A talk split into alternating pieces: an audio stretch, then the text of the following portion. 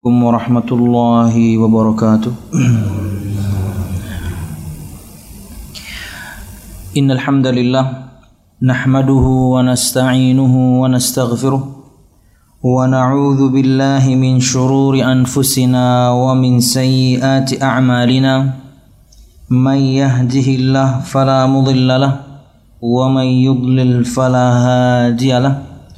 أشهد أن لا إله إلا الله وحده لا شريك له وأشهد أن محمدا عبده ورسوله.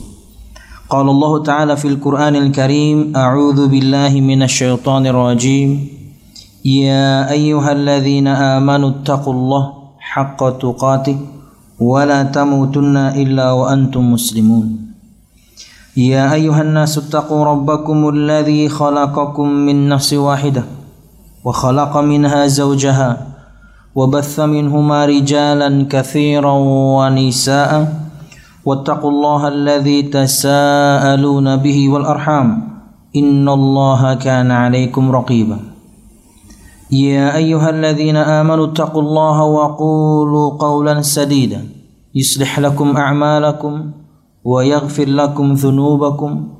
ومن يطع الله ورسوله فقد فاز فوزا عظيما.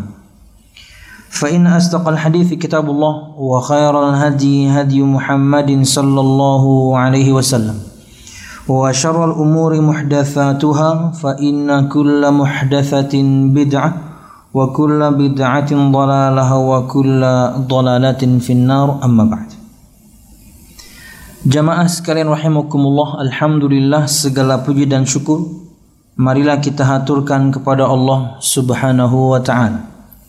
Kemudian salawat serta salam semoga selalu tercurahkan kepada junjungan besar Nabi kita Muhammad sallallahu alaihi wasallam juga beserta para sahabatnya, keluarganya dan segenap kaum muslimin yang selalu istiqamah berpegang teguh dengan Islam sampai hari kiamat kelak. Hadirin jamaah sekalian rahimakumullah pada kesempatan siang hari ini kita ingin membaca sedikit dari buku yang berjudul Risalah Puasa Nabi Muhammad sallallahu alaihi wasallam. Buku aslinya tentunya berjudul Sab'una Mas'alah fi Siyam wa kaifa na'ishu Ramadan. 70 permasalahan seputar puasa dan bagaimana cara kita menghidupkan bulan Ramadan. Karangan Syekh Muhammad bin Saleh Al-Munajjid hafizahullah taala. Dan dalam pada kesempatan siang hari ini ulun ingin menyebutkan tiga permasalahan saja di antaranya tentunya adalah sebuah yakni pengingat saja untuk kita berkaitan dengan definisi puasa, hukum puasa, dan inti dari pertemuan kita adalah bagaimana menentukan masuknya bulan Ramadan. Jamaah sekalian bisa pian perhatikan di halaman 47 risalah puasa Nabi Muhammad sallallahu alaihi wasallam. Kata beliau perhatikan di poin A definisi puasa saum atau puasa dari segi bahasa bermakna imsak yang bermakna menahan. Dan secara syar'i bermakna menahan diri dari segala sesuatu yang dapat membatalkan puasa tersebut. Mulai terbit fajar subuh hingga tenggelamnya matahari disertai niat. Jadi jamaah sekalian rahimakumullah dari definisi ini kita dapatkan dua rukun puasa. Jadi puasa itu rukunnya cuma dua. Sama dengan yakni rukun mandi wajib cuma dua. Nggak ada ribet, nggak ada susah. Terkadang seorang kemudian mempersulit dirinya sendiri. Padahal rukunnya simple dan itulah yang harus kita fahami. Jika rukun dalam sebuah ibadah terpenuhi, sah ibadah kita. Dalam setiap ibadah itu ada rukunnya, ada kewajibannya, ada sunan atau sunnah-sunnahnya. Rukun ditinggalkan, batal ibadahnya. kewajiban ditinggalkan sah ibadahnya tapi terkadang pahala kurang atau untuk kasus umroh dan haji bayar denda. Tapi untuk yang sunnah-sunnah ditinggalkan terkadang bukan terkadang rugi. Ada yang ibadah itu terkadang adanya itu cuma di ibadah itu. Contoh misalnya ada doa atau zikir itu dan tentunya ini sunnah adanya cuma di ibadah tertentu, nggak ada di ibadah yang lain. Artinya kalau ditinggalkan rugi. Seperti talbiyah, itu tidak ada kecuali Anda haji atau umroh. Nggak bisa Anda talbiyah di tempat biasa. Atau dengan yakni setiap habis sholat Anda talbiyah. Enggak, dia cuma ada ketika Anda perjalanan antara miqat sampai Mekah. Jadi momen talbiyah cuma itu. Labbaik Allahumma labbaik labbaik. Enggak ada di ibadah yang lain. Tapi kalau itu ditinggalkan rugi tentunya. Oke. Okay. Nah, jamaah sekalian rahimakumullah kayak mandi wajib misalnya, kan rukunnya cuma dua. Yang pertama niat dan tidak perlu dilafalkan. Niat itu adanya di hati. Terbersit di hati Anda cukup. Dan yang kedua basah seluruh tubuh. Walaupun tentunya ada perhatian untuk teman-teman yang mungkin seperti ulun atau lebih gemuk ya bagian lipatan-lipatan gitu ya Anda harus perhatikan ya karena harus basah semua. Jadi simple. Berkaitan dengan tata cara mandi wajib Nabi Muhammad itu perkara sunnah. Jika Anda mengikutinya, mandi Anda berpahala. Tapi jika rukunnya sudah terpenuhi, cukup. Karena terkadang ada orang malamnya, tentunya junub ya, dia habis mendatangi istrinya. Kemudian paginya itu rada telayur. Bangun tuh orang sudah komat, apa ada lagi harus lakas tuh bang. Munpian gaman orang tuntung sembahyang, makanya niat dan kemudian Bokubu itu pangpian basah sebertahan tuntung sudah tuh. Apalagi pian misalnya di rumah bisi kolam renang lah, buah berniat tajun aja lagi mbah tuh. Tentunya airnya air yang mengalir ya. Karena kolam renangnya adalah sungai ya, sungai Martapura ya. Oke, lanjut. Jadi dari definisi ini kita dapatkan dua rukun. Pertama niat, yang kedua adalah al-imsak. Niat puasa, jika puasanya itu adalah puasa yang wajib, maka harus dari malam hari. Jika puasanya itu puasa wajib, maka harus dari malam hari. Puasa wajib itu ada puasa Ramadan atau puasa kodok Ramadan Kemudian ada puasa kafarah, puasa bayar denda. Dan juga ada puasa nazar. Sudah pernah kita bahas tentang nazar dalam kitab Tauhid. Ini puasa-puasa wajib. Artinya kalau Anda melakukan salah satu di antara empat puasa ini, satu dan dua sama sih sebenarnya, Ramadan, sama ganti Ramadan. Maka niatnya itu harus dari malam. Paling lambat sebelum adzan berkumandang. Kata Nabi Muhammad SAW, Man lam yubayyiti siyama qabla qabla al-fajri fala siyama lahu. Barang siapa yang tidak menanamkan niatnya dari malam hari, paling lambat tentunya sebelum fajar menyingsing, adzan ditandai dengan adzan, maka tidak ada puasa untuknya. Artinya tidak sah. Kenapa? Ini puasa wajib. Tapi jika puasa sunnah, maka niatnya boleh bahkan ketika sudah pagi, sudah duha, sudah rada siang asal memang dari fajar menyingsing, dari subuh anda tidak makan, Anda tidak minum. Kemudian ketika itu Anda ingin berpuasa, silahkan. Itu kalau puasa sunnah.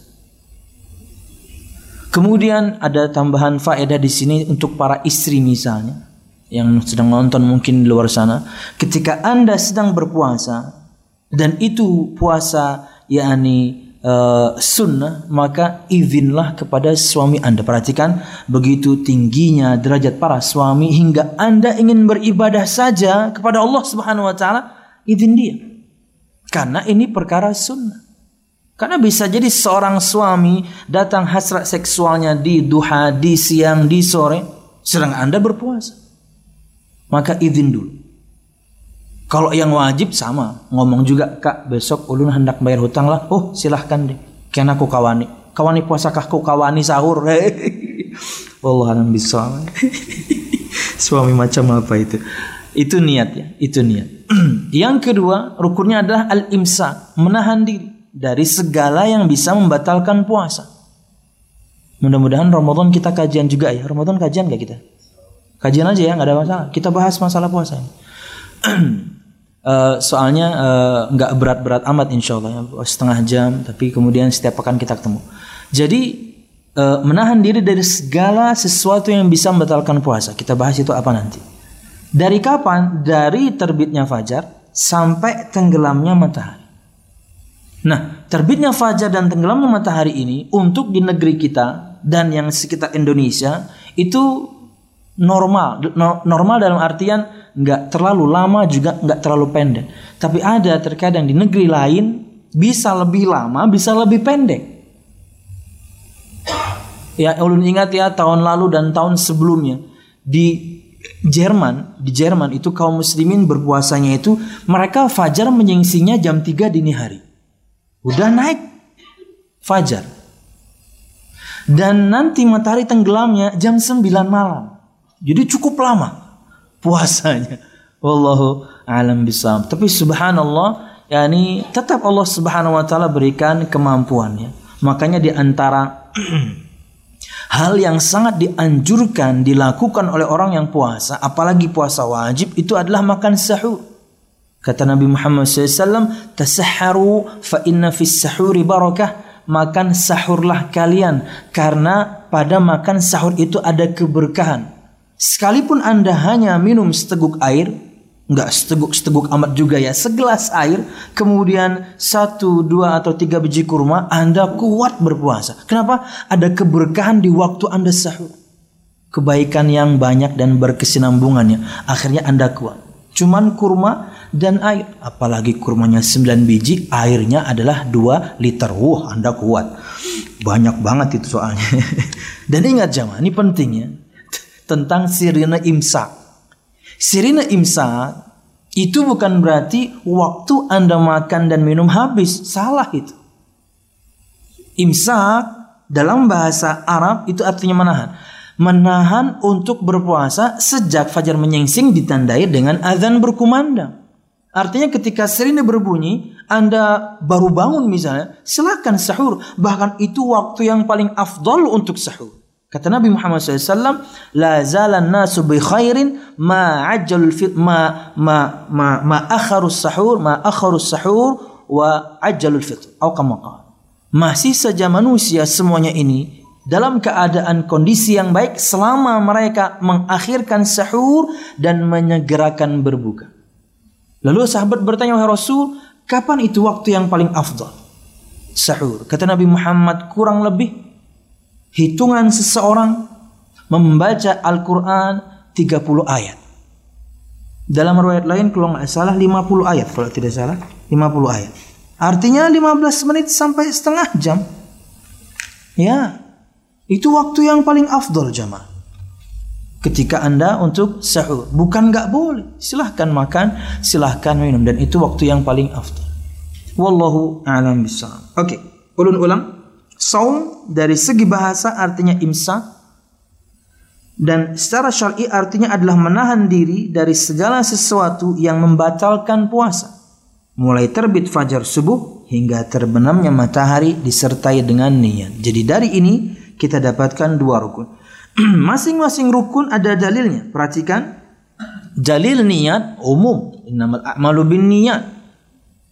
Gak usah pakai dalil yang lain sudah. Innamal a'malu bin niat. Sesungguhnya hanyalah amal itu harus dengan niat. Plus sabda Nabi Muhammad yang ulun sebutkan tadi bahwasanya barang siapa yang tidak menanamkan niatnya sejak malam sebelum terbitnya fajar maka tidak ada puasa untuknya. Artinya puasanya tidak sah karena ini puasa wajib. Tambahan faedah sebelum kita masuk dalil untuk imsak. Bolehkah seseorang berniat satu kali untuk satu Ramadan full. Boleh kata Syekh Al-Utsaimin. Dalam fatwa Arkanul Islam beliau ditanya, bolehkah berniat satu kali saja di awal bulan untuk satu bulan full? Boleh. Tapi kata beliau, membangunnya setiap hari akan lebih baik. Dan jika nanti dalam pertengahan atau dalam perjalanan puasa Anda Anda mungkin batal karena sebab tertentu, Anda mungkin sakit, anda boleh tidak puasa tapi nanti ganti di hari yang lain. Anda mungkin safar, Anda boleh tidak puasa tapi nanti ganti di hari yang lain. Maka niat harus diperbaharui kembali. Wallahu a'lam bishawab. Oke, yang kedua hukum puasa. Tentunya ini perkara yang sangat darurat semua kita faham dan tidak ada perdebatan di kalangan para ulama akan hal ini karena ini masalah usul, masalah prinsip. Ada perdebatan atau ada khilaf itu terkadang dalam masalah furu atau cabang. Ini berlaku di hukum fikih, berlaku juga di perkara akidah. Ada khilaf dalam masalah furu, ada khilaf oleh para ulama dalam masalah cabang. Tapi kalau yang inti, yang prinsip itu mereka tidak berbeda. Kayak misalnya e, tentang rukun iman, nah, mereka nggak ada berbeda. Tapi cabang dari bahasan rukun iman ada khilaf. Di mana sebenarnya letak kontoroh? Khilaf di kalangan para ulama. Tentang hari kiamatnya nggak ada perbedaan. Tapi di mana letaknya kontoroh? Ada khilaf. Berapa jumlah tiupan trompet sangkakala? Ada khilaf. Macam-macam. Tapi dalam prinsip iman kepada hari akhirnya nggak ada perbedaan. Tapi ketika ada orang yang berbeda, dia nggak percaya hari kiamat, selesai, keluar dia dari Islam. Karena ini perkara yang sangat darurat difahami oleh seorang muslim. Sama juga dengan hukum puasa. Tadi contoh akidah, ini puasa. Hukum puasa, kesepakatan, tidak ada yang berbeda pendapat. Sama juga dengan sholat. Akan kewajibannya, akan rukunnya, nggak ada beda. Tapi dalam masalah cabang ada perbedaan. Setelah tidak bersedekap atau tidak, Nanti pas tahiyat ada yang gerak-gerakin jari, ada yang tidak. Iya kan macam-macam. Nanti ketika sholat ada yang irsal. Anda kalau umroh atau hajian Anda akan lihat orang-orang maliki ya, orang-orang bermadhab maliki itu mereka irsal. Enggak ada yang bersedekap. Allahu Akbar. Biasa. Tapi kalau kita faham akan perselisihan itu, maka kita akan mudah berlapang dada. Kalau misalnya khilafnya itu adalah khilaf yang mu'tabar perselisihan di kalangan para ulama tapi yang memang dianggap diakui ada masing-masing punya dalil yang kuat. Maka kita harus berlapang dada. Nggak boleh weh nggak sah enggak mereka punya dalil. Dengan pemahaman yakni seorang alim atau imam madhab yang mereka anut. Tapi kalau misalnya khilafnya itu khilaf yang tidak mu'tabar khilaf yang tidak diakui oleh para ulama artinya nggak ada para ulama bersepakat dalam bab cabang nih perkara cabang nih. Tapi mereka bersepakat. Maka kalau ada yang nyempil satu orang ini nyeleneh namanya. Syadz khilaf syadz namanya. Nggak dianggap. Seperti hukum mendatangi perempuan boleh mendatangi perempuan di duburnya. Ini syadz nggak dibahas sama para ulama. Karena apa karena ada kesepakatan. Ini nggak perlu dibahas. Lemah dan jenisnya nyeleneh. Ada yang ngomong? Ada ada yang membolehkan nikah tanpa wali, ada yang membolehkan nikah tanpa saksi, ada yang membolehkan nikah macam-macam. Kalau kemudian seorang yakni pakai madhab talfik, ngambil yang mudah-mudah, tatabu rukhos, ngambil yang rukhsah-rukhsah, ya udahlah nggak usah pakai wali, ya udahlah nggak pakai saksi. Zina namanya. Gimana? Jadi nggak gitu. Ini kita singkirkan. Wallahu alam bisa. Nah, uh, hukum puasa ini tentunya kesepakatannya segenap umat Islam hmm, sampai muncrat. Nggak ada tisu ya. Semangat sekali ya. Segenap umat Islam terkadang kenapa seorang itu muncrat ada yang bolong di bagian giginya ompong maksudnya makanya Abah Ulun Abah ini mungkin Abah Ulun nonton ya. Abah Ulun itu sudah beberapa giginya kan udah hilang gitu ya. Pas Ulun jadi makmum beberapa makharijul huruf sudah lepas. Bah pakai gigi palsu nggak apa-apa bah. Nggak ada masalah. Bikin aja gigi palsu karena bacaan pian bagus. Kemudian tapi kalau misalnya tidak didukung dengan gigi yang banyak huruf hijaiyah itu bergantung pada belakangnya gigi. Kalau giginya nggak ada, lepas. Nggak jelas ngomongnya. Gimana dong? Akhirnya beliau bikin alhamdulillah ya. karena imam. Kita takutkan karena lepasnya makharijul huruf makna ayatnya anu Pak, makna ayatnya apa? Oh iya. maknanya lepas Al-Fatihah oh, malah nggak bak malah batal. Al-Fatihah itu rukun. Nah, ini pentingnya. Banyak teman kita mengeluhkan, Pak, e, di tempat tertentu karena yakni kurangnya imam gitu ya. Akhirnya yang maju ala kadarnya. Al-Fatihahnya rusak. Dalam artian makharijul hurufnya salah. Kalau misalnya salah harokat, kadang nggak merubah makna. Kalau salah harokat.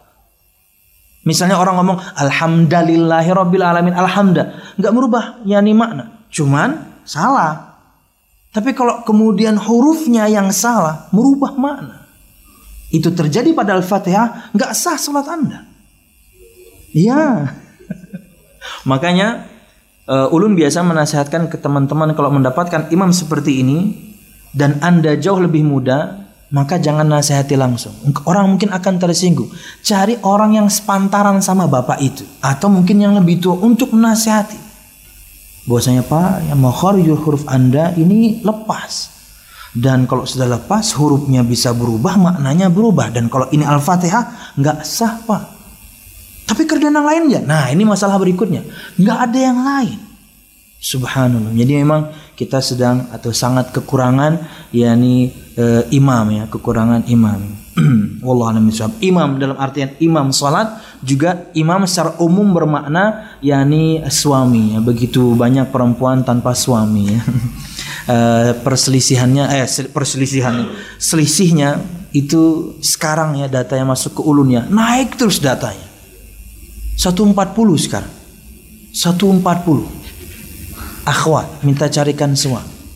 Ikhwannya nggak sampai 10 itu pun ketika ulun anyaki aduh tat belum siap ya aduh. Ulun anyaki aduh tat belum siap ya. kapan siapnya? Yang jadi masalah yang 140 ini tidak mau dimadu. Itu itu masalahnya. Mereka pengen yang grace juga. Ah sudah ya. berarti pian bisa bitu nggak? Sudah 10 banding satu kan berarti Pak? Karena kata Nabi Muhammad di akhir zaman di akhir zaman itu 40 sampai 50 banding satu. Satu laki-laki yakni direbutkan oleh 40 sampai 50 wanita di akhir zaman. Ini udah hampir nih. Udah 10 selisihnya. Masya Allah. Hmm. Tolonglah para akhwat, sadarlah anda ya. Maksimalkan yang ada ini. Aduh, udah lapar makin lapar ya. Lanjut jamaah. Oke. Okay? Segenap umat Islam telah ijma bahwa puasa di bulan Ramadan itu fardu atau wajib. Dalilnya adalah firman Allah Subhanahu wa taala dalam surah Al-Baqarah 183 Allah berfirman, "Ya ayyuhalladzina amanu kutiba alaikumus kama kutiba alal ladzina min qablikum la'allakum tattaqun." Hai orang-orang yang beriman, diwajibkan atas kamu berpuasa sebagaimana diwajibkan atas orang-orang sebelum kamu juga berpuasa agar kamu bertakwa. Tujuan inti dari tak, dari puasa adalah takwa. Kenapa? Karena kita diperintahkan untuk meninggalkan yang boleh. Makan boleh, minum boleh, bersetubuh boleh. Tapi ketika puasa yang boleh ini Anda harus tahan dulu. Bayangkan jemaah yang boleh saja Allah perintahkan untuk kita tahan dulu dan kita mampu apalagi yang haram harusnya lebih mampu karena yang halal saja kita mampu untuk menahannya juga berdasarkan sabda Nabi Muhammad SAW bunyal Islam wala khamsin Islam dibangun di atas lima perkara, lima pilar. Salah satu di antaranya disebutkan Nabi Muhammad SAW, saum Ramadan, puasa di bulan Ramadan. Wallahu a'lam bishawab. Itu perkara yang kedua yang kita bahas. Dan yang ketiga adalah poin H. Perhatikan halaman 67 jamaah. Belum akan sudahi dengan poin ini. Perhatikan halaman 67 jamaah. Penetapan masuknya bulan suci Ramadan. Penetapan masuknya bulan suci Ramadan. Kita akan pelajari di sini metodenya. Perhatikan perkataan beliau masuknya bulan Ramadan itu dengan dipastikannya dengan melihat terbitnya bulan. Ru'yatul hilal. Atau dengan menggenapkan bulan Sya'ban menjadi 30 hari. Takmil. Ulun ulang, masuknya bulan Ramadan itu dapat dipastikan dengan yang pertama, melihat terbitnya bulan, ru'yatul hilal. Samakah halaman kita atau bedakah? Ada ya di poin H soal. Lalu ini cetakan lama soal. Cetakan lama. Kemudian atau dengan menggenapkan bulan Sya'ban menjadi 30 hari. Mungkin yakni ya nggak kelihatan misalnya. Dengan alat yang alat bantu yang canggih pun misalnya nggak kelihatan misalnya. Karena apalagi kita sekarang ya sepertinya akan akan penggenapan bulan ini karena masih hujan aja terus. Mendung. Akhirnya tidak terlihat anak bulan karena keluarnya itu disebutkan hanya sebentar. Hanya sebentar keluar set, kemudian dia menghilang. Bukti bahwasanya bulan itu sudah masuk bulan yang baru. Jamaah sekalian inilah metodenya. Hanya dua. Ru'yatul hilal melihat terbitnya bulan.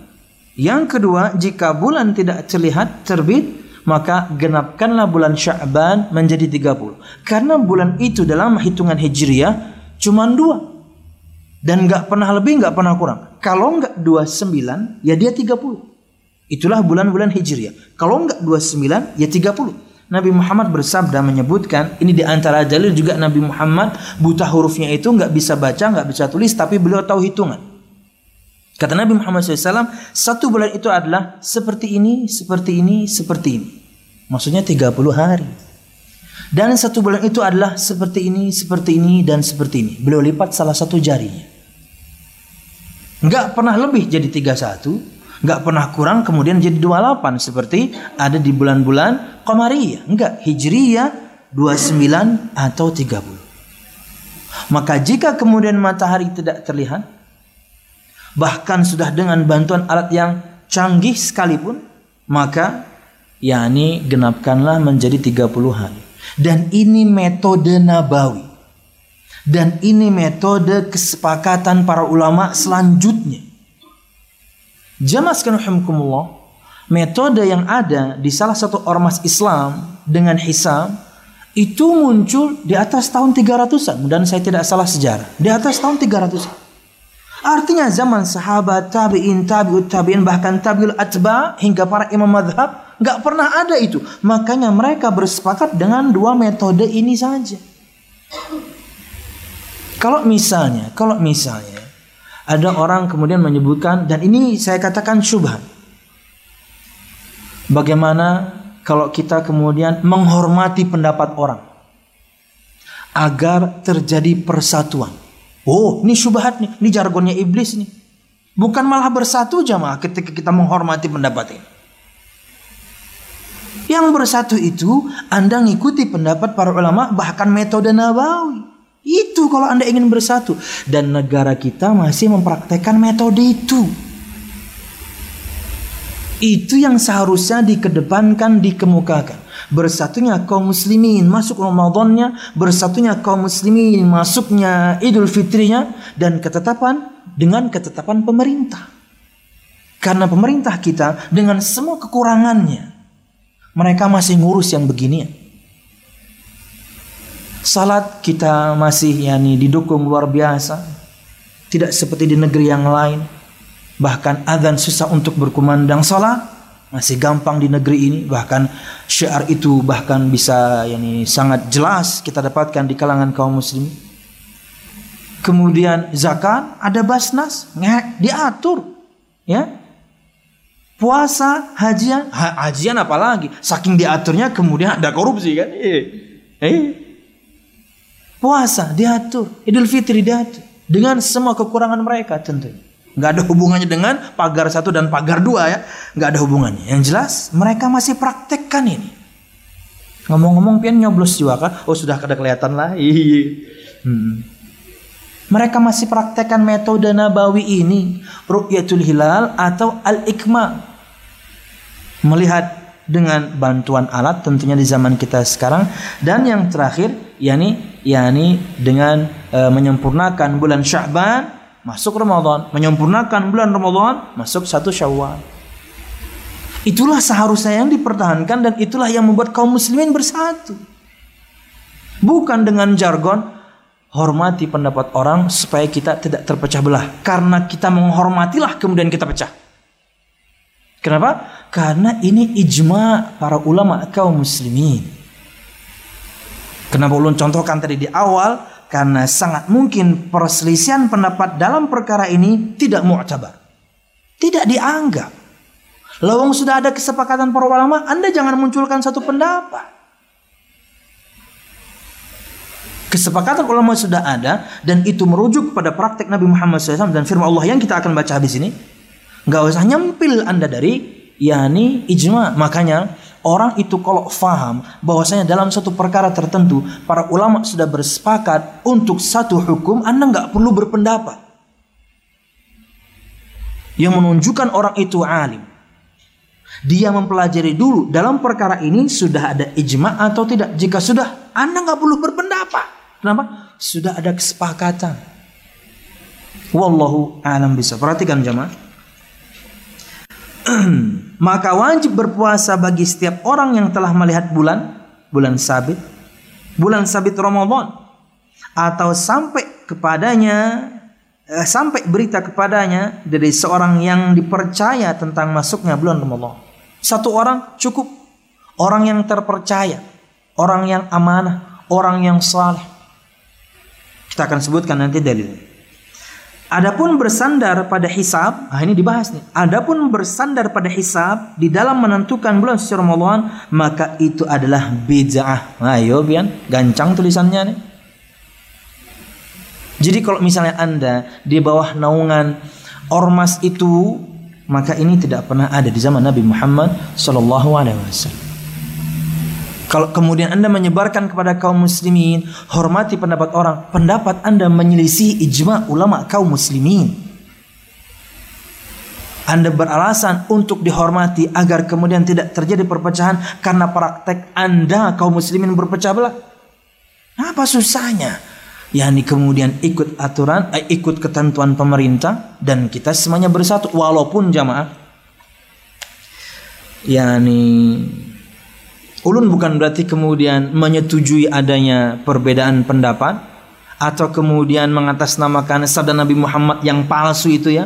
Perselisihan umatku adalah rahmat itu hadis yang palsu. Ulun dulu pernah ya tahun 2005 kalau nggak salah 2005 ulun ingat sekali karena ulun baru tulus kuliah 2004 pulang 2005 mulai berdakwah. Ulun dapat jadwal khutbah di salah satu tempat. Dan 2005 itu kalau nggak salah dua ormas besar di Indonesia NU dan Muhammadiyah itu tidak ada perbedaan Idul Fitri waktu itu berbarengan Pianto apa yang terjadi banyak rumah dibobol maling hmm banyak rumah dibobol maling. Jadi para pembobol rumah itu mungkin mereka juga berharap kaum muslimin bersatu ya. Karena sebertaan tulak it kosong bertahan rumah. Amun hari ini NU Isuk Muhammadiyah mereka pikir juga eh kita mencuntan besok dia aja. Tapi besok Muhammadiyah kan Nah, iya. jadi ada juga hikmahnya lah. Tapi saya tidak mendukung pendapat itu ya. Jangan sampai itu menjadi dalil tuh, karena ada manfaatnya aja. Nyaman kada kemalingan rumahnya. Makanya beda aja kita aja. Jangan bersatu saja ya. Wallah alam bisa. Lanjut. karena hadis Rasulullah SAW telah menegaskan masalahnya. Sumu li ru'yatihi wa aftiru li ru'yatihi. Hadis secara sempurnanya kata Nabi Muhammad sallallahu alaihi wasallam Eh, mana tadi? Ani. Kata Nabi Muhammad SAW, Sumu li ru'yatihi wa aftiru li ru'yatihi. Fa in ghubbiya alaikum fa akmilu iddata sya'ban thalathi. Kata Nabi Muhammad SAW, berpuasalah kalian karena melihatnya bulan sabit Ramadan dan berhari rayalah kalian karena melihatnya bulan sabit di bulan Syawal. Kemudian kata Nabi Muhammad SAW sempurnanya untuk hadis ini, fa in alaikum dan jika kalian ditutupi ya, fa in di hadis yang lain fa in alaikum atau fa in alaikum jika kalian ditutupi ghamam, jika kalian ditutupi awan, maksudnya nggak bisa lihat, tertutup awan. Fa akmilu iddata Sya'ban 30, maka sempurnakanlah hitungan bulan Sya'ban menjadi 30 hari. Inilah metode Nabawi. Ru'yah dan at-takmil lihat bulan atau penyempurnaan. Juga berdasarkan firman Allah Subhanahu wa taala dalam surah Al-Baqarah 185, "Faman syahida minkum syahra falyasum." Barang siapa di antara kalian melihatnya, melihat anak bulan sabit bulan Ramadan, falyasum, hendaknya ia berpuasa untuk individu. Berkaitan dengan kasus kita, kita nunggu berita. Jadi individu boleh nunggu berita itu yang biasa kita praktekkan. Perhatikan. Disebutkan dalam sebuah riwayat dari Abdullah bin Umar bin Khattab radhiyallahu anhu, akhbartu Nabi sallallahu alaihi wasallam bi ru'yati Ramadan fasamahu wa amara an-nasa bisiyamihi. Dalam hadis yang dikeluarkan oleh Imam Abu Dawud Al-Hakim dan kemudian disahihkan oleh Imam Al-Hakim, kata Abdullah bin Umar bin Khattab, aku memberitakan kepada Nabi Muhammad SAW akan ru'yah hilal Ramadan yang aku lihat. Aku beritakan kepada Nabi Muhammad. Kemudian beliau berpuasa dan memerintahkan manusia untuk berpuasa. Jalil bahwasanya satu orang yang bersaksi dan dia orang yang saleh cukup untuk penentuan masuknya awal bulan Ramadan. Tapi untuk masuknya bulan Syawal minimal dua orang yang saleh yang bersaksi mereka melihat masuknya bulan Syawal. Wallahu a'lam bishawab. Jadi inilah metode Nabawi. Dan inilah yang alhamdulillah masih dipraktekkan oleh yakni pemerintah kita. Makanya jamaah sejak ulun berprinsip seperti itu, ulun nggak pernah diundang untuk ormas itu. Ulun sebutkan Muhammadiyah, no problem. Karena ketika mereka ustadz kawakah minta khutbah id, bisa insya Allah ulun pas kosong. Cuman ulun ikut ketentuan pemerintah pak. Kerja jadi, kerja jadi. Kenapa? Karena bisa beda dan seringnya beda. Wallahu alam bisa. Persatuan kaum muslimin jauh kita kedepankan dibandingkan ego ormas dibandingkan ego individu dan tentunya khilaf yang Anda miliki menyelisihi ijma para ulama yang sudah ada dan tidak semestinya terjadi. Wallahu a'lam bishawab. Nabi Muhammad SAW bersabda, "Nahnu ummatun ummiyah la naqra wa la naktub wa nahsib." disebutkan. Kami kata Nabi Muhammad SAW adalah umat yang buta huruf. Kita nggak bisa baca, kita nggak bisa hitung dalam perkara sabda Nabi Muhammad wala nahsib dan kami tidak menggunakan metode hisab di antara maknanya. Bukan cuma kami nggak bisa berhitung. Nabi Muhammad tahu hitungan. Maksud dari sabda Muhammad tidak menggunakan metode hisab. Karena praktek beliau dari Allah juga lihat atau sempurnakan. Dan kita sebagai kaum muslimin tinggal tunggu akan diumumkan setelah tentunya yakni mereka sidang dan Tahun lalu bagus ya, tahun lalu sudah dipraktekkan sidangnya tidak di live kan. Nggak perlu kita nonton sidang mereka itu. Di mana mereka di dalamnya berdebat kan. Wah, wah, wah. Umat nggak usah nonton yang begituan. Sidanglah Anda, hai orang-orang yang kemudian berilmu untuk menentukannya. Nanti kaum muslimin berikan beritanya aja selesai. Pian mungkin akhir-akhir ini juga dapat berita ya. Bagaimana di Saudi Arabia mereka membekuk beberapa yakni tertuduh terorisme. Dan orang nggak tahu sampai beritanya keluar. Beritanya keluar sudah dibekuk. Kalau kita kan nggak, terorisnya lari, diliput, nggak ketemu, diliput, ketemu, diliput, runyam semua otak kita ini. Bahkan teman-teman yang ada di Saudi Arabia khususnya di Riyadh, mereka tidak tahu di sekitar mereka ada teroris sampai ada berita saking tenangnya masyarakat. Kenapa? Nggak di blow. Anda kerja kerja aja. Densus kerja kerja aja, tangkap tangkap aja. Kalau ketangkap, anda munculin, gak ada masalah. Oh, tahu kita. Ini enggak prosesnya semua. Waduh, kita ikut akhirnya kan. Hmm, nonton terus akhirnya. Nah, karena dapat. Oh ini ke orangnya. Ya, hal-hal yang terkadang masyarakat nggak perlu tahu. Kecuali nanti hasilnya saya. Termasuk ini. Beritakan kepada kami hasilnya saja dan kita ikut waliul amr. Wallahu a'lam bishawab. Ini jamaah yang bisa ulun sampaikan. Banyak tentunya kita akan bahas di pertemuan-pertemuan yang lain. Mudah-mudahan bermanfaat. Sadar dan khilaf ulun mo ulun mohon maaf. Silakan jamaah ada pertanyaan. Siap. Puasa kafarah. Kafarah kan gue bakal puasa itu aja cerita seperti ini kan yang Bapak Nabi itu yang ada orang orang itu miskin Oh, yang menyutubi istrinya. Ah, siap. Kan lapor Rasul. Akhirnya kan disuruh bayar fidyah orang miskin, bayar kafar dua puluh empat puluh. Ah, dia nggak bisa. Kadang-kadang orang masih tanya gini sih, yang istrinya gimana tuh kan? Di cuma ngasih makan satu orang satu selama ah, bulan kan? Siap, siap. Itu suaminya atau istrinya apa hukumannya nih? Siap. Bagus, bagus. Ah, ini. Ini sama. Ini di antara khilaf uh, cabang tapi ada khilaf tapi ada mu'tabar mereka perdebatkan ini yang kena kafaroh yakni suami aja atau perempuannya nih suaminya aja atau perempuan atau dua-duanya. Karena biasanya bisa jadi yang bini pak ayah yang membawai ya lo. Nah, bisa juga nang laki yang membawai itu standar ya lo. Oke.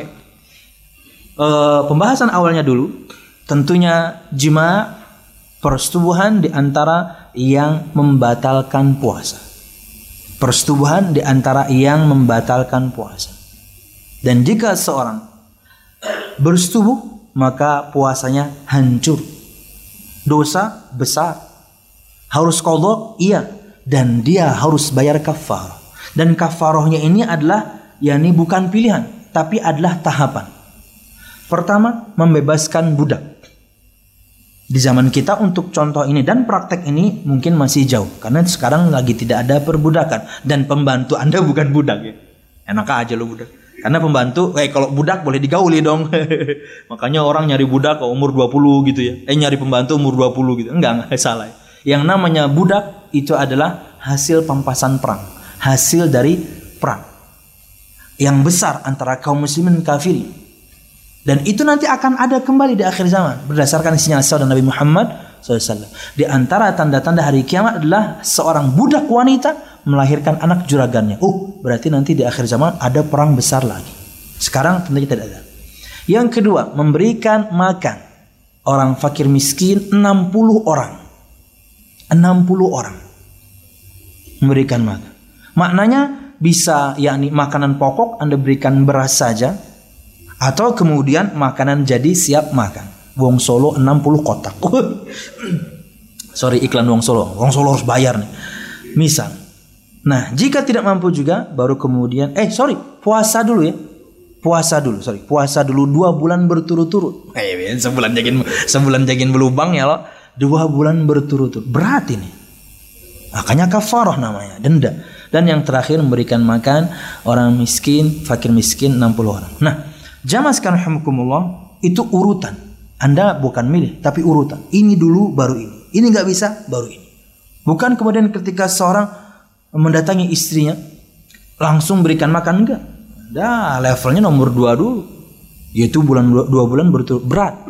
Makanya jamaah ada pembahasan dalam bab ini adalah sengaja safar demi menggauli istri. Ada pembahasan hila, safarul hila safar tipu daya. Agak unik memang bahkan ketika dibahas waktu dulu di kampus eh, semua kita juga tertawa karena syekhnya juga tertawa. Cuman ini memang ada. Para ulama mengatakan kenapa ini ada? Karena ada orang yang memang hasrat seksualnya sangat tinggi entah si laki-laki atau perempuan. Dan harus mendatangi atau dia minta itu ya di, di momen di mana puasa itu sedang berlangsung. Pagi siang sore. Syekh bin Bas di antara yang tidak setuju. Karena disebutkan oleh beliau ini safar hila safar tipu daya karena ketika safar anda boleh berbuka dong ketika anda berbuka ya anda datangi istri anda dong tapi ini tipu daya kata bukankah tujuan puasa kata Syekh untuk menahan itu maka latihlah karena Anda melatihnya nggak lama-lama amat. Nanti begitu adzan maghrib Allah Akbar Allah Akbar, ding yuk langsung juga boleh. Buka puasanya pakai itu boleh. Kada peminuman pokoknya. Ding, sip, mantap. Yuk kak. Ah, boleh. Oh, tapi ya minum dulu lah ya. Malah nggak bisa taraweh ya. Hmm. Oke. Okay. Oke, okay. belum belum selesai. Eh, lu tadi ngomong apa itu? Nah, Iya. Uh, safar.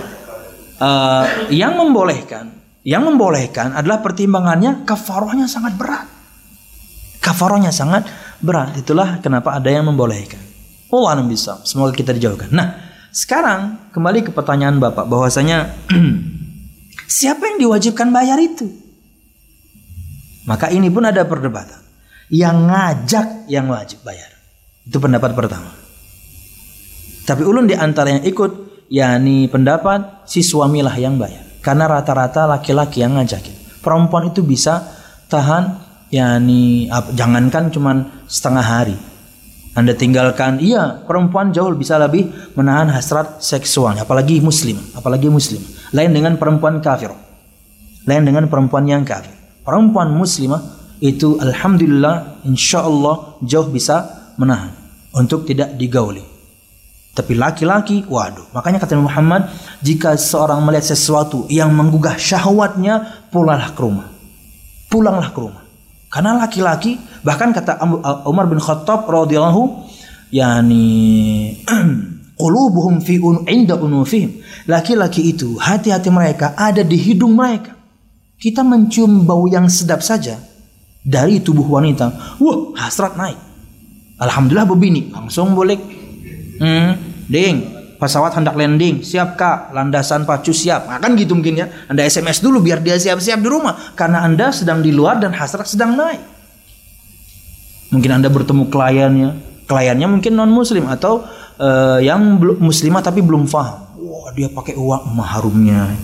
Langsung, alhamdulillah teringat bini lah. alhamdulillah teringat bini seorang juga lah. Langsung pulang. Itu metode Nabi. Anda naik hasrat, langsung datangi istri. Karena itu akan melebur semuanya. Wallah bisa. Jadi ulun di antara ikut pendapat, yang bayar itu yang suami. Si suaminya. Wallahu a'lam bisa. Nah, semakna dengan jima al-istimna, onani atau masturbasi. Sengaja mengeluarkan air mani untuk sebuah kenikmatan. Maka ini semakna dengan jima tapi hukumnya berbeda. Puasanya batal? Iya. Dia berdosa pasti. Tapi dia hanya wajib mengkodok, tidak bayar kafar. Karena kafar hanya untuk yang menyetubuhi istrinya. Tapi kalau seorang melakukan onani atau masturbasi laki perempuan, maka batal puasanya dan nanti dia harus membayar di hari yang lain. Tapi kalau mis dan tentunya praktek onani dan masturbasi sengaja. Tapi kalau misalnya seorang maninya keluar tidak sengaja, entah mungkin di siang hari dia tidur dan mimpi basah, atau bisa jadi seorang karena sangat lelah. Orang itu terkadang kalau sangat lelah, mani bisa keluar. Mani bisa keluar. Dan itu dalam tidur. Nggak mimpi dia ketika tidur. Tapi begitu bangun, kita paling tahu dengan uh, baunya. Walaupun misalnya sudah kering, kita sangat kenal dengan baunya. Karena kata Nabi Muhammad, mani laki-laki uh, ghalidun abyad uh, tebal, eh, kental dan warnanya putih untuk laki-laki dan perempuan rokikun asfar Maninya perempuan itu tipis atau lebih uh, bukan tipis apa sih lawannya kental? Uh, uh, lebih encer dan berwarna kuning. Dan masing-masing kita laki perempuan kita faham ini. Maka ketika seorang bangun dan dia dapatkan, wah ada air mani, berarti tadi keluar. Karena bisa jadi anda tidur dan dia sudah mengering ya. Maka puasanya tidak batal puasanya terbatas. Tapi tetap wajib mandi karena Anda akan sholat. Karena Anda akan sholat. Mungkin akan sholat zuhur karena mungkin Anda memadal dari imbah subuh wah, jam 11 hanya bangun. Wah, nyatai karingnya loh. iya. Maka segera karena Anda akan sholat atau setelah zuhur maka segera karena Anda akan sholat asar. Tapi puasanya lanjut tidak batal. Itu semakna dengan ya nijma tapi hukumnya berbeda. Silakan yang lain pertanyaan. Oh, siap.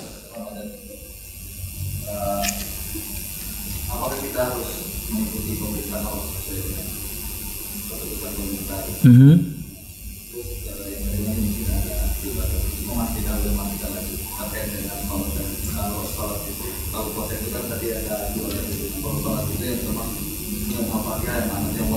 Oh siap. Iya. Uh, kenapa ulun menyebutkan uh, kita mengikuti uh, pemerintah atau ketua pemerintah? Karena yang dilakukan pemerintah itulah metode Nabi. Masih dalam ya ini metode Nabi. Uh, tentunya dengan semua kekurangan yang ada pemerintah kita. Ya. Um, aibnya banyak. Anda sebutkan, eh nggak perlu disebutkan. Anda tahu aibnya banyak. Kata Nabi Muhammad, "Ta'rifuna wa tunkirun." Anda mengenali sebagian mereka ada yang baik, tapi kalian juga mengingkari sebagian mereka banyak yang buruk dengan semua keburukannya. Tapi kita harus tetap bersabar. Maka yang dipraktekkan pemerintah itu metode ini. Ru'yatul hilal atau jika kemudian tidak terlihat anak bulan sabit untuk masuknya Ramadan atau masuknya satu Syawal, maka mereka melakukan metode kedua. Takmilah atau at-takmil atau al-ikmal, penyempurnaan bulan sebelumnya 30 hari. Makanya akhirnya kemudian ikut perintah akan jauh lebih aman dan itulah uh, uh, uh, praktek uh, usaha untuk bersatunya kaum muslimin ada dalam perkara ini. Kalau Anda berbeda, malah kemudian Anda akan memecah belah. Belum lagi kemudian kalau ulun bahas tadi, khilafnya tidak muktabar saya katakan. Nggak diaku sama para ulama. Kenapa? Karena ini ada kesepakatan dengan dua metode saja. Wallahu alam bisa. Wallahu alam bisa. Dan ingat jamaah, astronomi, ilmu nujum sejak zaman Nabi Muhammad sudah ada. Ilmu nujum, astronomi, perbintangan sejak zaman Nabi Muhammad sudah ada. Tapi kata Muhammad, wala nahsib kami tidak menggunakan metode hitungan. Wallahu a'lam bisa. Makanya ya tentunya sekarang ilmu astronominya, perbintangannya jauh lebih canggih dengan peralatan yang ada, tapi sejak zaman Nabi Muhammad ada. Karena bulan, bintang itu di antara uh, eh, penunjuk arah sejak zaman dahulu. Allah Subhanahu wa taala ciptakan untuk kita, khususnya untuk kala itu para pelayan juga ya. Eh pelayan, nelayan adalah untuk arah. Wallahu a'lam Yang kedua, berkaitan dengan Mana yang membatalkan, mana yang tidak. Ulun tadi fokuskan hanya pada surah Al-Fatihah karena ia rukun. Kenapa ulun katakan salat Anda tidak sah ketika imam salah dalam bacaan Al-Fatihah karena Al-Fatihah itu rukun. Salah Anda dalam rukun batal puasanya. Eh batal salatnya. Lain dengan surah. Surah itu bukan rukun, dia sunnah saja. Surah yang dibaca setelah waladhi amin itu sunnah saja. Tapi Al-Fatihah itu rukun untuk imam, untuk makmum, untuk orang yang salat sendirian, salat sendiri rumah mungkin, untuk orang yang salat berjamaah, salat sir, salat jahar, semua harus baca surah Al-Fatihah. Kecuali dalam satu momen. Ulun di antara ikut pendapat, rukunnya surah Al-Fatihah. Artinya semua orang harus baca. Entah dia jadi imam, jadi makmum. Entah dia salat sendirian atau berjamaah, entah dia salatnya sir ataupun jahar. Sir itu seperti zuhur dan asar. Al-jahar eh, yang disuarakan subuh, maghrib, isya. Kecuali dalam satu kondisi Al-Fatihah tidak dibaca. Kapan? Anda masuk ke dalam salat, tak taunya imam sudah ruku, maka Anda harus langsung ruku dan Anda mendapatkan rokaat itu. Kata Nabi Muhammad SAW, Man adraka rak'atan faqad adraka salah. Barang siapa yang mendapati satu ruku, maka, dia mendapatkan salat tersebut. Jadi patokannya ruku. Tapi kalau anda dapatkan, anda masuk dalam salat, imam sudah sujud, anda juga langsung sujud. Cuman, rokaat itu anda nggak dapat, patokannya ruku. Nah, yang tadi anda masuk ke ruku, pasti anda nggak baca Al-Fatihah nggak bakal baca Al-Fatihah. Karena momen di mana Anda harus baca Al-Fatihah ketika berdiri. Lah imam kan sudah ruku. Dan sabda Nabi Muhammad memerintahkan kita untuk segera mengikuti imam itu ada pada فَإِذَا كَبَّرَ فَكَبِّرُوا وَإِذَا رَكَعَ فَارْكَعُوا وَإِذَا سَجَدَ فَاسْجُدُوا Ini eksplisit tiga perintah untuk kita para makmum untuk mengikuti imam langsung. Jika dia takbir, kalian takbir. Jika dia ruku, kalian segera ruku. Jika dia sujud, kalian segera sujud. Makanya jangan sekarang hamkumullah tidak semua gerakan imam harus diikuti makmum. Misal, imam ketika tahiyat dia ikut pendapat yang digerak-gerakan. Anda nggak harus ikut. Kena, kenapa? Karena itu yang tidak disebutkan Nabi Muhammad khusus untuk mengikuti imam. Hanya tiga ini. Takbiratul ihram, Allahu Akbar, segera Anda takbiratul ihram. Jangan kelamaan lagi. Oh, ah itu kelawasan. Orang biasanya ragu-ragu seperti ini ketika wudhu sudah ragu-ragu. Nah, basuh tangan, basuh muha, basuh tangan pulang, basuh. Karena apa? Ragu-ragu. Dia kena was-wasnya setan.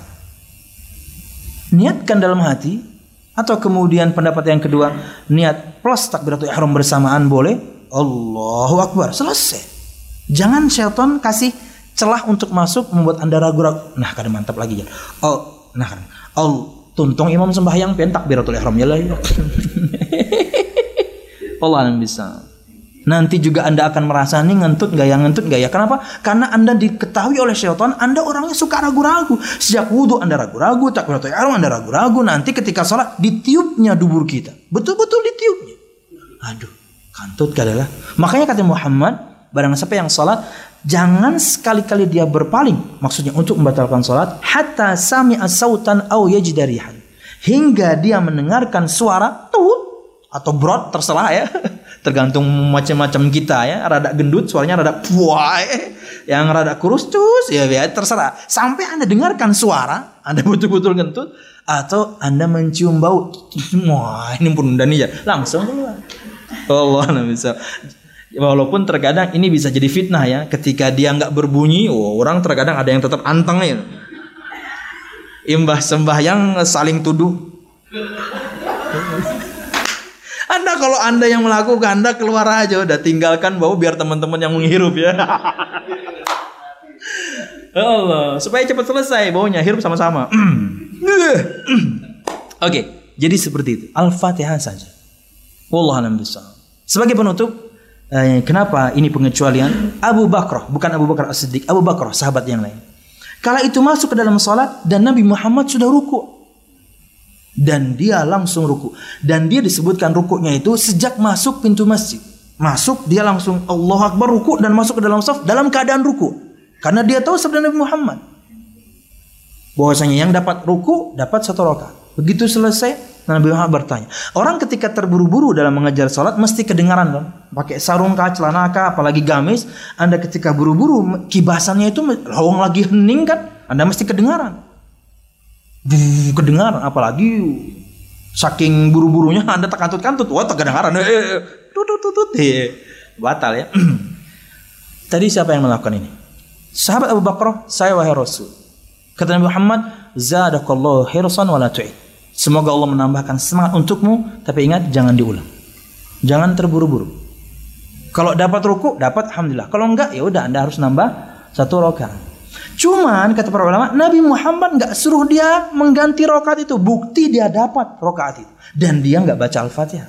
Makanya itu itulah satu pengecualian kapan kita tidak membaca Al-Fatihah. Sisanya baca semua dan harus benar. Makanya jamaah penting sekali ketika kita membaca eh, ketika kita salat Al-Fatihah kita harus benar. Harus benar. Dan perkataan Syekh Abdul Razak Al-Abban ketika Anda membaca ihdinas siratal mustaqim Anda harus memaknainya karena itu doa. Bukan cuma ihdinas siratal. Enggak, itu sudah Anda sedang berdoa sebenarnya. Di saat yang sama Anda sedang berdoa minta petunjuk jalan yang lurus yaitu Islam yang benar ini. Wallahu alam bisawab. Ini yang bisa saya sampaikan dan bermanfaat salah dan khilaful mohon maaf.